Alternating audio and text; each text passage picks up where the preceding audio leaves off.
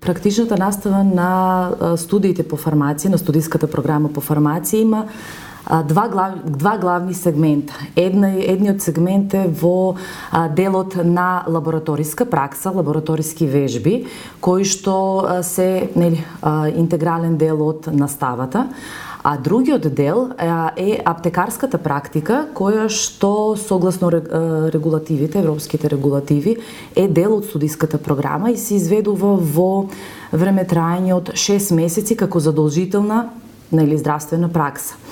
Значењето на, на практичната настава секако дека е огромно, особено ако се нели, станува збор за медицински студии од, од, од областта на медицинските науки.